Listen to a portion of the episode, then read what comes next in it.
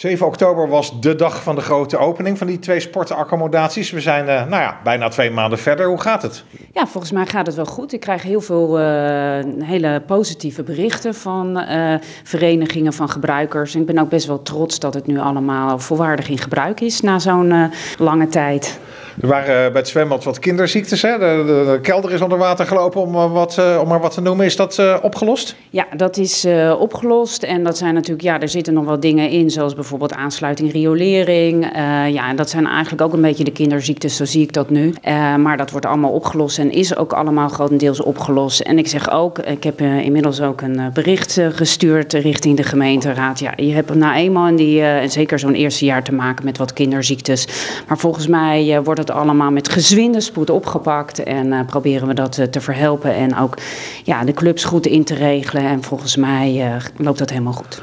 Je, je kunt wel naar binnen, maar dat is wel een beetje omdat er een paadje is gemaakt naar de ingang. Want links en rechts is heel veel modder. Daar zijn we bezig uh, met natuurlijk de aanleg uh, van bijvoorbeeld een tijdelijke parkeerplek, maar ook uh, de retentievijver. Nou, Wat is een retentievijver?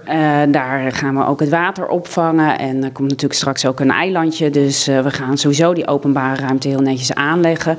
Eerst zijn de eerste werkzaamheden die nu nodig zijn verricht en straks worden ook de andere werkzaamheden opgepakt. En wij verwachten in juli 2024 om die werkzaamheden ook af te ronden. En het gaat volgens mij super mooi uitzien. En uh, wat helemaal mooi nieuws is, we hebben daar een aanbesteding voor uitgezet. En dat blijft allemaal binnen budget. En dat is echt in deze tijd heel bijzonder.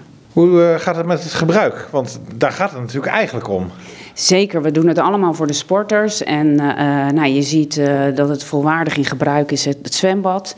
En de ijshal uh, ja, is ook in gebruik en daar hoor ik ook hele positieve berichten over. Ja, dat vinden mensen echt wel gaaf, dat het meerdere etages zijn waar je kan schaatsen. Ja, dat is heel bijzonder. Sowieso is het gebouw heel bijzonder, want ja, het is ook energie-neutraal. En er komen echt veel groepen vanuit delen van het land om te kijken hoe we dat hebben gefixt hier.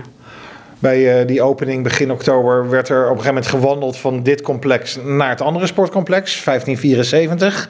Ja, hoe gaat het daar? Je hoort vooral uh, veel gedoe rond ZZ Leiden, die uh, nog steeds vindt dat het te klein is en te duur. Ja, dat uh, is mij bekend. Maar ik zou zeggen, nou eens een keer ophouden met negativiteit. We hebben gewoon een hele mooie accommodatie staan. we hebben het aantal stoeltjes wat we gebouwd hebben, ehm, wat mogelijk is. En overigens heb ik altijd gezegd, mocht er... Uh, mochten er meer stoeltjes nodig zijn, dan is dat technisch niet onmogelijk richting de toekomst. Maar dan moet de ZZ dan zelf met een businessplan komen om te kijken of dat mogelijk is. Ik zou zeggen, laten we vooral nu werken met wat we hebben. Het is hartstikke mooie locaties zijn. Heel veel mensen met plezier aan het sporten en daar doen we het voor in Leiden. En de andere helft van de hal, de breedte sport? De breedte sporthal is ook uh, heel goed in gebruik. En je ziet daar alle, en daar, maak ik, ja, daar word ik heel gelukkig van. Allemaal jonge mensen sporten, maar ook oudere mensen. Binnenkort uh, wordt er freerun buiten ook opgeleverd. Uh, wordt, de parkeerplekken zijn ook goed toegankelijk. Dus ook daar wordt de laatste hand aan gelegd. En ja, ik ben gewoon trots op wat er staat.